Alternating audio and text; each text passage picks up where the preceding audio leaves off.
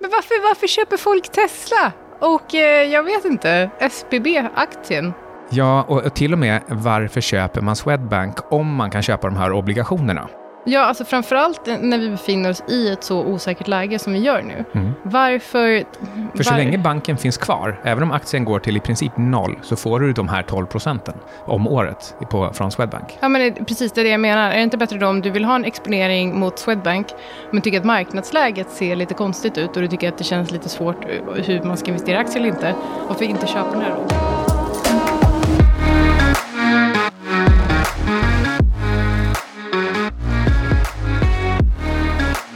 Du och Capex och eh, Capex eh, lilla leksak som han eh, ligger och gossar med redo för podden? Jag tänker inte svara på det förrän jag har sagt hej, du lyssnar på Antilop med Syding och Svan.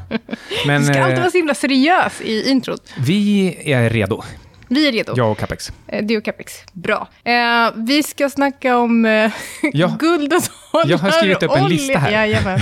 Krypto, guld, dollar, olja, Fed, Ja, banker ah. och AI. det, det roliga är, det här- det här- de här anteckningarna, Micke skickade dem till mig och så sa han, det här är lite anteckningar inför podden. Och jag tyckte det var skitroligt. För det står, ehm, det, stod, det, stod, eh, det står ingenting under några rubriker förutom banker. Där står det banker. Är det över nu? Men, men det är 18 punkters typsnitt. Så att, eh, så att man det, att du, tydligt... det var för att du kanske skulle spela in med Martin. Ja. Och han är ju blind. Ja, men det är också så här, eh, Martin brukar ibland ha med sig anteckningar. Men de anteckningarna är gjorda med svag blyerts och det är lite skumbelysning här inne. Och det är, består av liksom, flera hundra ord i eh, någon slags mindmapping-schema. Vilket innebär att när han tittar ner i dem så ser han ingenting. Nej, för han är, dessutom, han är dessutom typ blind. det är helt otroligt. Men, eh, ja. Eh, hur som helst. Det är ju räntebesked ikväll. Vi spelar in det här onsdagen den 22 mars. Är det. det är snart april. FF, Fed-fest. Fedfest, tror du att det blir idag? Det beror på vad du menar med fest. Ehm, ja, svaret är ja, för jag tror att det kommer leda till börsnedgång. Kanske inte ikväll, men den här veckan. Jag tror det stänger ner eh, för fredag. Okej, det är jätteintressant. För jag eh, läste en tweet i morse på vägen in till kontoret. Och då stod det, eh, Feds balansräkning har sedan 2009 eh, varit det som har drivit eh, S&P uppåt. Eh, nu kommer det ändras, here's why. Och jag tänkte, det här är ju, är ju världshistoriens sämsta take någonsin. För att vi vet ju att det är ju centralbankernas balansräkningar som driver tillgångspriser uppåt. Och även om vi kanske ser liksom kortsiktig volatilitet på nedsidan, så jag och Martin var inne på det förra avsnittet, att eh, det, det nu kommer det finnas liksom ett golv för hur långt ner aktier kan gå. Eh, för jag menar, trots att ekonomin i... Nu gör vi case study på något land i Sydamerika. Undrar vilket? Panama? Ja, kanske det. Jag har inte så bra koll på deras aktiemarknad.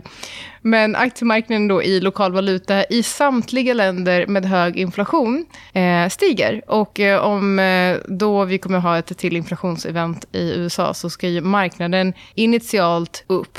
Ja, det finns ju bland annat två saker som stiger kraftigt i länder med hy- hyperinflation. Det är två helt värdelösa saker. Det är börsen och det är guld.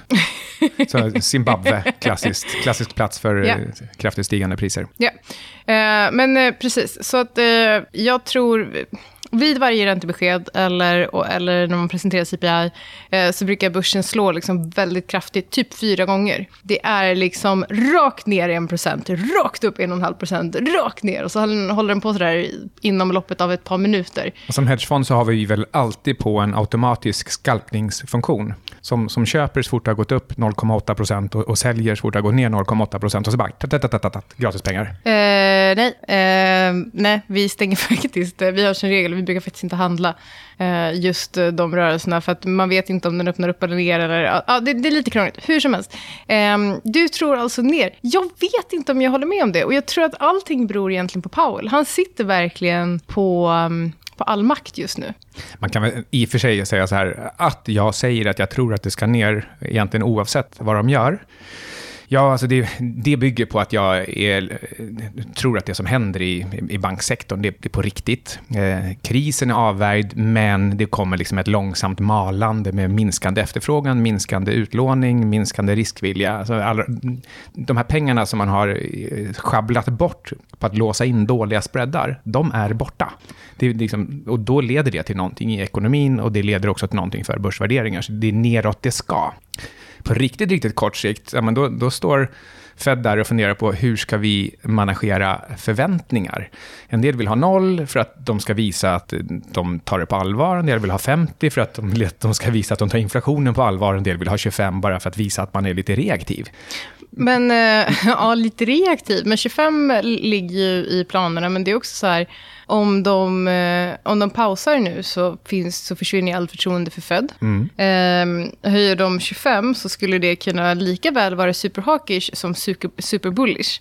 Det beror lite på. Det känns som att marknaden är liksom tiltad åt det positiva hållet. Det känns ja. som att alla investerare eh, just nu tycker att glaset är halvfullt. Det var ju egentligen dit jag skulle komma. För att, eh, det är ingen, eh, ingen hemlighet vad börsen har gjort sedan oktober.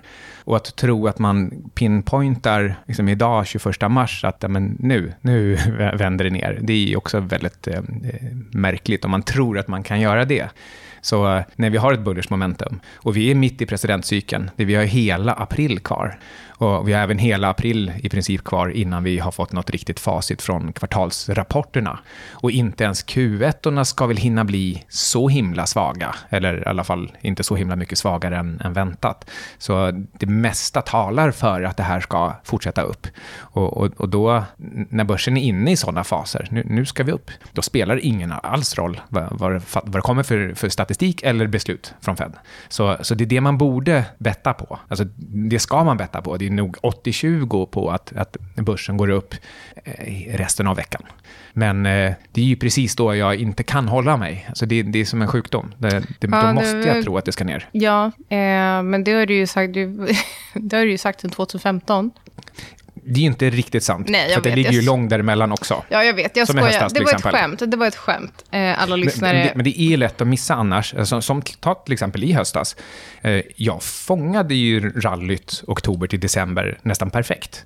Eh, vi pratade om det då. Vi sa, jag och Martin sa i något avsnitt i december, tror jag det var, att eh, sättet du fångade den rotationen, det var mycket, mycket snyggt. Så, men det, det hindrar inte att jag ändå jag tycker inte om ordet permabär, men om någon ska förtjäna det så, så tillhör jag den kategorin. Att jag tenderar till att se saker som halvfulla, eller halvtomma. Halvtomma blir det. Vilket är bra och vilket är dåligt. Om du ser glaset som halv, halv, halvfullt. Då kan det ju fyllas, det är ju jättebra. Ja, men det är det som är grejen. Jaha. Ser du det som halvtomt. Ja, då kan det ju också fylla. De... Nej, men då, då ser du det som att det är på, på väg att ta slut. Ja, ja, är det mm. halvfullt så håller det på att fyllas på. Alltså, det är, som, som med alla amerikanska begrepp så tycker jag att det är fullständigt värdelöst. För det finns liksom ingen riktig, i alla fall för mig, enkelt intuitivt sätt att, att greppa att det är olika saker. Jag tycker vi kan lämna eh, din autism åt sidan i dagens avsnitt och så kan vi fortsätta. Då. Eh, vad, vad, kommer, vad kommer det räntebeskedet ha, få för implikationer på dollar och guld? För mm. Eh, och här har bankerna en stor betydelse. För att i takt med att eh, bankerna kollapsade, för att det fann, kanske fanns lite risk i systemet trots allt, så eh, blev det ju en kortsiktig sell-off och det kapitalet rusade in i, eh, i guld och krypto. För helt plötsligt har ju folk insett att, aha, self-custody, maybe it's a thing. Ja, är det din tolkning att det var det som hände? Att det de facto är fysiska köpare som tänker så? Jag, jag hade pengarna på ett bankkonto och nu stoppar jag in dem i krypto. Nej, för att eh, priserna liksom rör sig inte, de, de dras inte på liksom retails som får för sig att eh, nu ska vi plocka ut pengar från bankerna. Men däremot så tror jag att, eh, om man ska vara lite second level, att det fanns institutioner som tänkte att eh, guld brukar prestera bra under kriser i det ekonomiska systemet eller det finansiella systemet och därmed köper man, köpte man guld för man trodde att nu skulle det kunna bli läge för framförallt om Fed ska börja trycka pengar för att baila ut med bankerna, då är nog guld ett bra bett. Samtidigt som många retail gick och köpte bitcoin och ether och eh, många andra kryptovalutor av typ samma anledning. Det, det låter roligare att säga att self-custody blev en grej över en natt. Mm. Ja, alltså det, saker som jag funderar över det är, eh, är det över nu? Eh, är, det, är det som händer, är det på riktigt? Är det allvarligt Alla på riktigt? banker kommer gå omkull i hela världen. Så, så det, det jag skulle vilja kalla det för, det är att eh, den akuta fasen är över. Det här är lite som när Bear Stearns gick omkull. Ja, det kom eh, skenbart från ingenstans och så gick en jättestor bank som nyss hade stått i 150 dollar, den gick ner till 1 och blev övertagen. Även det var ju eh, ohemult förstås, för det skulle ju gått till noll. De betalade 100% för mycket. Det gjorde man ju den här gången också i Credit Suisse, liksom alldeles, alldeles för mycket. Um, också det här märkliga... De hade ju inte jättemycket val. Ja, men också att man äh, märker att man, man räddar hybridobligations... Nej, man dödar hybridobligationsägarna och, och, och räddar aktieägarna. Liksom, det, det är jätte, jättekonstigt. Um, och det fick hybridobligationsmarknaden i Sverige att skaka till. Alltså till exempel så fick man en, en dollarhybrid från SE-banken på 17 procent häromdagen. Så du går in och köper den så har du garanterad 17 procent om året i dollar, så länge inte SE-banken går i konkurs. Um, och det var för att man fick för sig att är hela regelverket ändrat nu? Är det så crazy att stat, överstatliga verksamheter går in och, och säger att nej vi, vi struntar i pecking order i kapitalstrukturen? Men så var de tydliga med att säga sen då att nej, men det, det, gjorde vi inte. Det var bara ett undantag, bara för Credit Suisse av lite olika anledningar som har med liksom rösträtt att göra, och, och Schweiz speciellt. Kanske framförallt det. Men, men det här betyder att den akuta fasen är över. Det är inte massa banker som ska gå omkull. Det är säkert några som ska eh, tas om hand och en del kanske ska gå omkull, men det, det finns inget disorderly här. Nej, jag tror att det du försöker säga är att ja, det är nog väldigt många banker som har problem, men vi kommer inte, vi kommer, det, här är inte en, det här var inte början på en fullständig systemkollaps. Nej, ingen ska behöva vara rädd för att eh, insatt belopp är borta. Ehm, men däremot så kommer bankerna... Men däremot så är det ju Fiat, och Fiat kommer ju bli sönderdevalverat, så att det, eh, det är lite samma sak. Ja, det, det har också en märklig tudelning. För å ena sidan så kommer bankerna ha mindre utlåningsförmåga och mindre utlåningsvilja. Hur det är med låntagarna är lite mer oklart. Man kanske gärna vill låna, men vill man verkligen låna till den här räntan? Det är kanske snarare så att man vill amortera till den här räntan. Så kanske även låneviljan lägre. Allt det här betyder mindre efterfrågan. Jag åt lunch idag med en, kille som är filmare och han säger att nej men, hans kunder är liksom nästan borta. Istället för 12 projekt så har han tre. Och det här betyder att han skär bort alla adminlager. Så att han sköter själv bokningar och hantering och allting sånt där. För att det hinner han nu när han bara filmar tre istället för tolv. Så, och, och, det han konkret pekade på, det är räntan som gör att mina kunder inte har råd eller lust. Så någonting håller på att hända, men det är väl de här vanliga eftersläpningseffekterna. Och, och återigen, det är ingen kris, det är ingen panik, eh, men tidvattnet är på väg ut. Månen har flyttat på sig, månen är räntehöjningen, den har flyttat på sig, vattnet är på väg att följa efter. En del som alltså, stod... Du, du, vänta lite nu, du, du kör en analogi som gör att, jag förstår inte analogin, men jag förstår liksom verkligheten. To the moon, det är allt du behöver veta, to the moon. Ah, okay. Och ehm, eh, de som stod längst upp i vattnet, nu ser vi vilka av dem som är nakna, det var Credit Suisse och Silicon Valley Bank och ja, Silvergate, alla, alla, alla på SI. Um, men det, och det kommer fler. Men kommer i långsam takt så kommer vi se vilka som är nakna och, och samtidigt så försöker myndigheterna motverka lite grann, lite gas och lite broms eh, samtidigt. Men avmattningen kommer i liksom lugnt och stadigt tempo. Och I Sverige så har vi till exempel en prognos på minus 2% BNP i år. Typ sämst i Europa, eller hur? Ja, och det är för att vi är mest räntekänsliga. Folk har rörliga lån här, vilket är någonting, om amerikaner visste hur vi höll på, då skulle de tycka att vi är så galet oansvariga. Bara, Ni är ju Silicon Valley Bank, hela Sverige. De skulle inte tro att det var tillåtet att ha en sån bostadsmarknad som vi har, om de förstod hur, hur, hur vi gör. Fast vi, Ingve sa ju att han inte skulle höja räntan. ja. ja. Um, men de där minus 2 procenten. Om det här är en normal cykel, då är det klart att den prognosen, den är alldeles för snäll. För om man skulle ta den riktiga prognosen som kanske skulle vara minus 4 procent, om man går ut och säger en sån sak nu och tar hänsyn till dynamiska effekter, då är det nästan som att man tror att man har orsakat nedgången genom att skapa panik. Plus att man låter lite dum i huvudet. Så det är bättre att det här får rulla in under årets gång och sen kanske det inte blir per fjärde kvartalet, men det kanske blir Q1, Q2 nästa år som det blir riktigt, riktigt dåligt. För att de här sakerna de man biter sig själva i svansen och, och, och, och blir till slut lite värre. Ja, jag sitter ju bara och räknar på, på det här då, för att eh, vi band ju faktiskt våra lån, 100 procent, eh, till 1 procent. det är ju, måste ju kännas riktigt, riktigt bra nu. Ja, fast nu är, är det ju liksom, eh, ja men vi har mer än ett år kvar, men det skulle kunna vara så att den tajmingen blir riktigt bra. Alltså vi borde ju ha tagit tio år, så varför man inte gjorde det får man ju fråga sig. Men eh, några år är bättre än noll, faktiskt. Mm. Hur som helst, eh, guldet då. Vi, jag jinxade ju uppgången där, enligt Martin. Eh, Martin tycker ju att eh, jag får inte jinxa saker. Jag, så fort någonting går upp och jag säger “kolla nu går det upp” och han bara “nej”, för då faller det.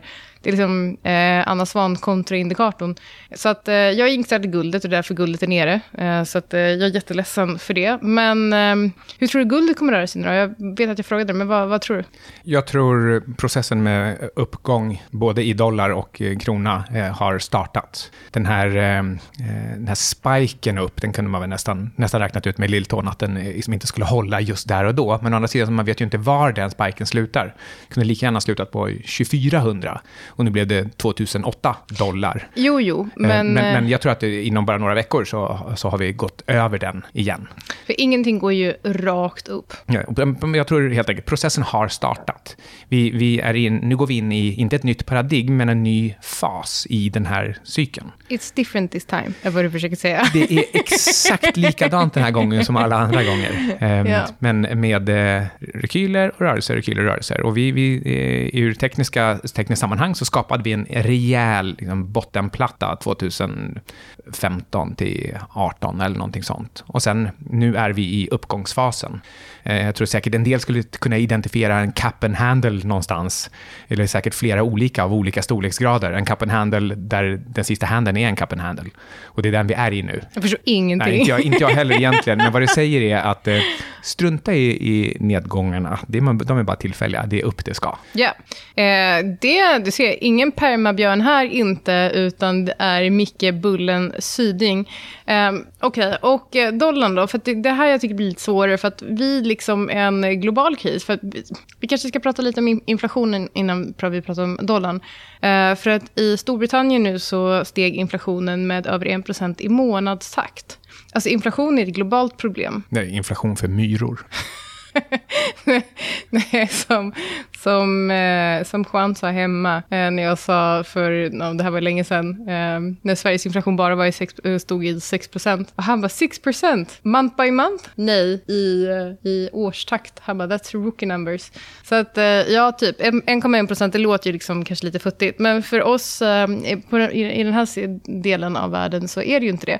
Men det jag ville säga var att inflation är ett globalt problem. och nu Eh, har vi liksom massa andra problem också med banker som, eh, som gör att det blir liksom svårt att höja räntan mer än vad man redan har gjort. Eh, med risk för att de då kommer att kollapsa och då måste man hålla räntorna typ på den här nivån, kanske lite lägre eh, och eh, trycka pengar. Så det kommer bli jättebra. Vi kommer ha hög inflation, låga räntor och det är också därför som jag tror att eh, ja, men tillgångar, det är bara att ralla iväg nu alltså. Vi, vi har ett positivt problem också, mitt i alltihop, mitt i inflationen. Och det är att arbetsmarknaden är så stark att konsumenterna fortfarande handlar. Varje månad, jag undrar om det till och med inte är varje vecka, då är någon av de här eh, Visa, Mastercard och eh, flygbolagen, det är, liksom, det är samma som brukar refereras hela tiden för deras vd som gillar att vara ute och prata. De, de är förvånade själva. De säger, nej, för varje ny vecka vi får in statistiken, ja, vi är upp, jag tror det är Visa som säger, eh, 45 procent eh, mer eh, volym än vi hade 2019. Man vill gärna referera till det för att det var ett normalår i någon mening. Och, eh, man förväntar sig egentligen att snart ska det komma en avmattning som gör att man går ner till någonting som kanske bara innebär 8% tillväxt liksom per år sen dess, eller, liksom, ja, men, eller 6 till och med. Och, eh, och, det kommer inte. Varje vecka, nej, konsumenterna är starka. Eh, man kan se att deras eh, sparande från covid, det, det, minskar, det minskar ganska fort. Men ingen verkar orolig för vad som ska hända när covid-pengarna är slut. Alltså, nej, för att då får man nya stimulanser. Ja, man har väl antagligen byggt in det i Hallå, förväntningarna. Ja, det är ju hela köpa dipp-mentaliteten. Det är också kon konsumtionsmentaliteten, för du blir alltid utbejlad av staten. Så universal basic income, den är redan här. Den är bara lite liten. Mind blown. Okej, okay. ja, okay. så, så, så, inflationen den har bitit sig fast. Um, hög arbetslöshet, hög konsumtion, mer stimulanser kommer.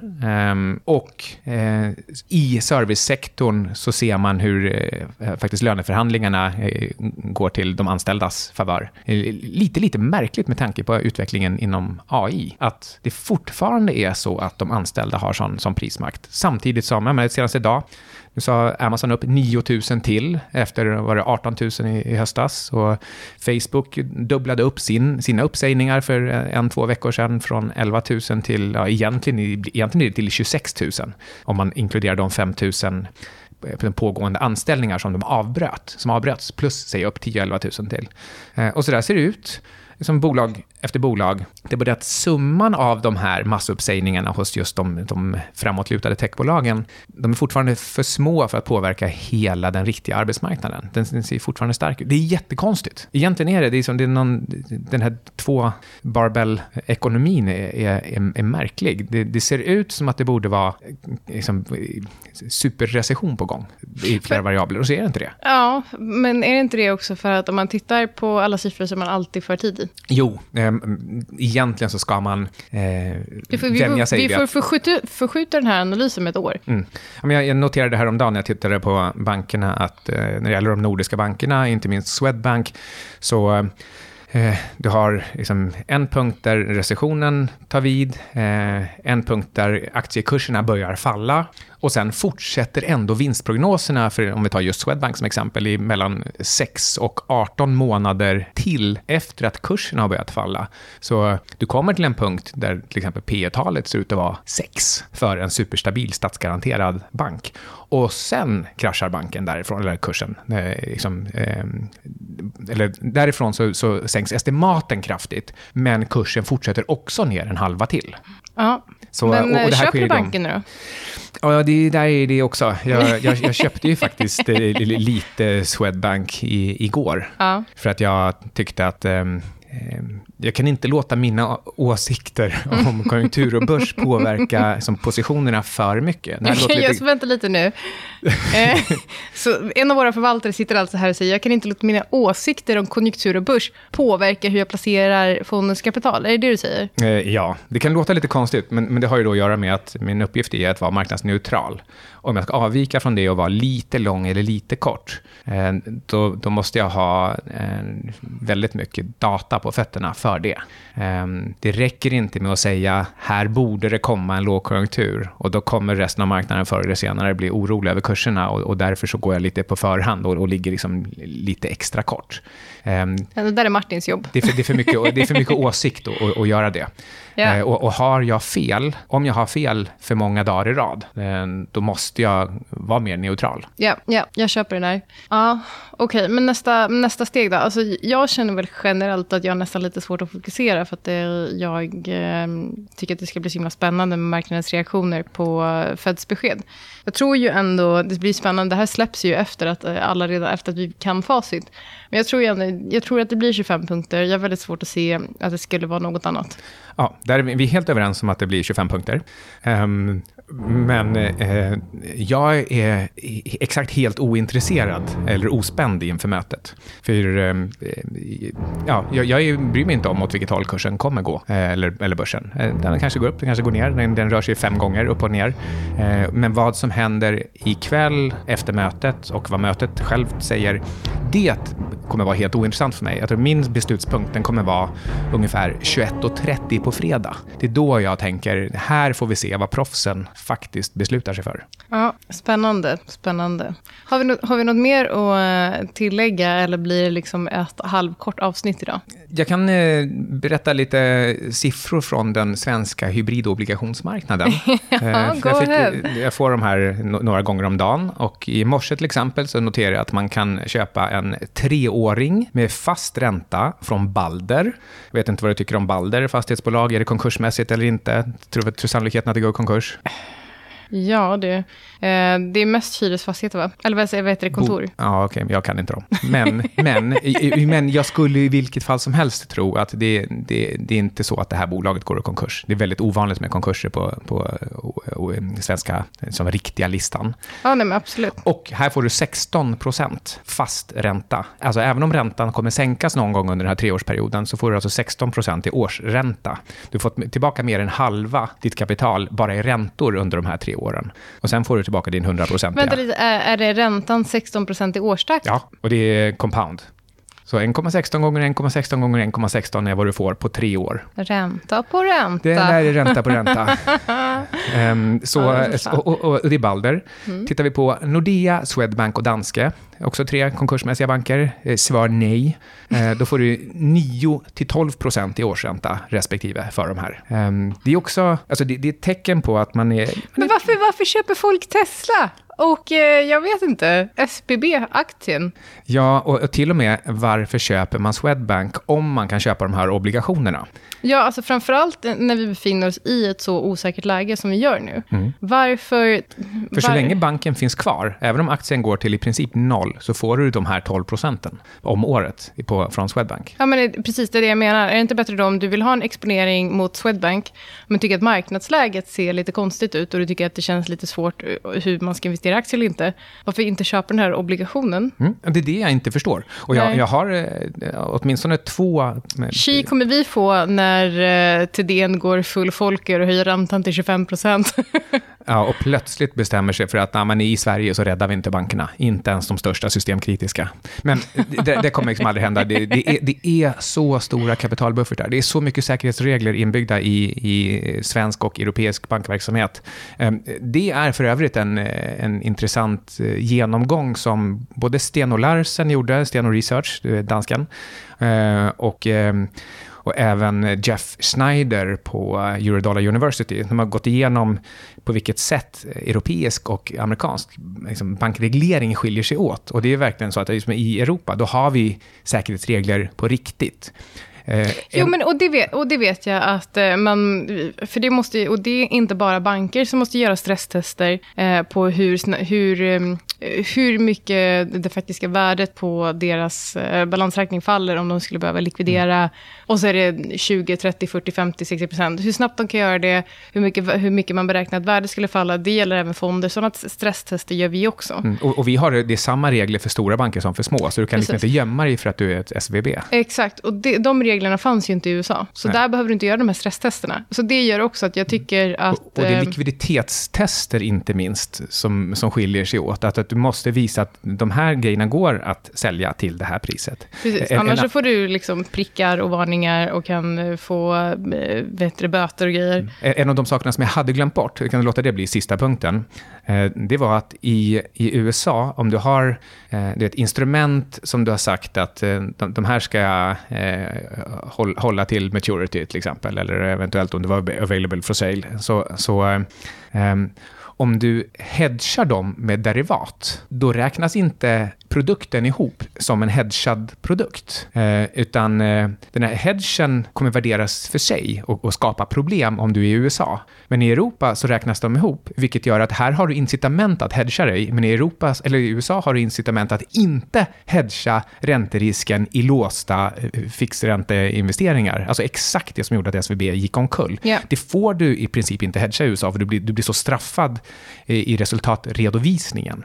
Eh, den, bara den är ju helt huvudlös. Och den betyder att i, i Europa, så fort det skakar till lite grann, då köper man hedgar. Och det här syns då också bland annat i eurodollarmarknaden. Det syns, det syns att ja, nu, nu har alla noterat att det är någonting på väg att hända.